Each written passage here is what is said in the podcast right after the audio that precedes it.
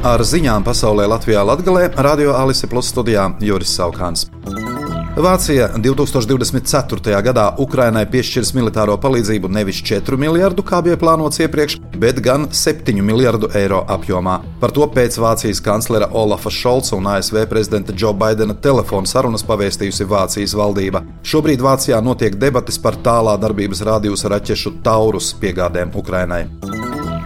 Francijas prezidents Emmanuels Makrons vakar paziņoja, ka Francija piegādās Ukrainai vēl apmēram 40 tāldarbības spārnotās raķetes Skelp, kā arī simtiem bumbu. Makrons preses konferencē sacīja reportieriem, ka Eiropas prioritātei ir jābūt neļaut Krievijai uzvarēt, un paziņoja, ka februārī viņš pats apmeklēs Kijivu. Ļaut Krievijai uzvarēt nozīmētu pieņemt to, ka starptautiskās tiesības netiek respektētas, teica Makrons, piebilstot, ka Francija izstrādā jaunu divpusējas drošības vienošanos ar Ukrainu par kuru tikšot paziņots februārī vizītes laikā. Vācijā šodien turpinās vilcienu vadītāju streiks un lauksaimnieku protesti, līdz ar to plaši satiksmes traucējumi. Miljoniem Deutsche Bahn pasažieru atcēluši plānotos braucienus vai meklē citus veidus, kā nokļūt galamērķī. Atcelti aptuveni 80% tālsatiksmes reisu, un arī reģionālo līniju vilcienu satiksme ir ierobežota. Vilcienu mašīnistu streiks sakrīt ar Vācijas lauksaimnieku protestiem pret valdības plānoto lauksaimniecības sektora subsīdiju samazinājumu. Lauksaimnieki kopš pirmdienas ar traktoriem bloķē vairākas uzbrauktuves uz automaģistrālēm, kā arī rīko mītiņus pilsētās, radot ievērojamus satiksmes traucējumus. Ministru prezidente Evika Siliņa, kas pārstāv jauno vienotību, šorīt pastāstīja, ka Latvijā esot apzinātas ap 29 tūkstošiem ēku, kuru telpas var piemērot drošības vajadzībām.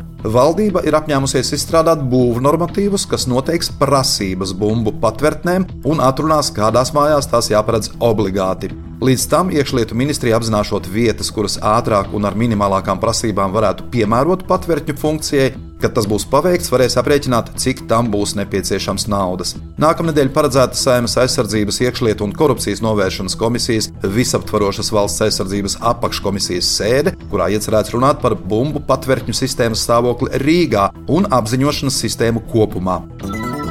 Pieaugot gripas izplatībai, slimību profilakses un kontroles centrs no šā gada 12. janvāra izsludinājis gripas epidēmiju. Arī Daugopils reģionālajā slimnīcā iedzīvotājiem jāievēro papildus epidemioloģiskās drošības prasības, jo no 12. janvāra iestādē noteikta karantīna. Personām ierodoties slimnīcā obligāti jālieto sejas aizsarga maskas un bahilas, Pacientus drīkst apciemot tikai ar ārsta saskaņojumu, savukārt pienesumus pacientiem drīkst nodot katru dienu no 11. līdz 6. vakarā.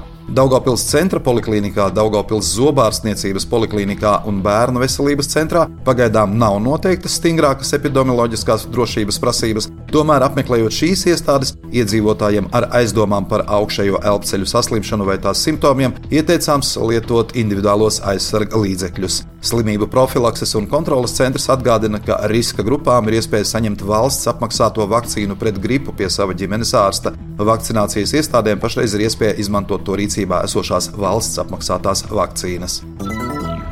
Latvijas valsts desmitais deju čempionāts un Reizeknas domes kausa 2024 norisināsies 27. janvārī Latvijas vēstniecībā Gors Reizeknē. Sacensības sāksies pulkstenis 8 no rīta. Tās organizēs Sporta deju klubs Viva sadarbībā ar Latvijas Sporta deju federāciju un Reizeknas valsts pilsētas pašvaldību. Pasākuma apmeklētājiem būs iespēja skatīt labākos deju pārus no visas Latvijas. Vairāk nekā 500 dalībnieku cīnīsies par 2024. gada čempiona titulu. Labākais deju pāris, kas uzvarēs sacensībās, pārstāvēs Latviju pasaules un Eiropas čempionātos.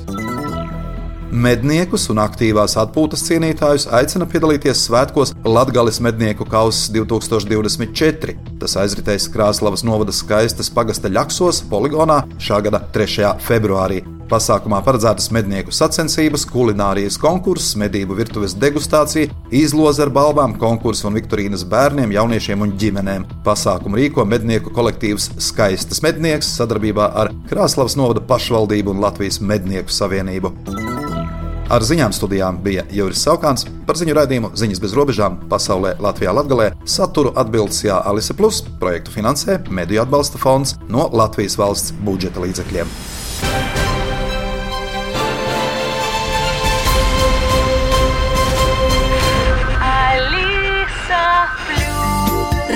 Radio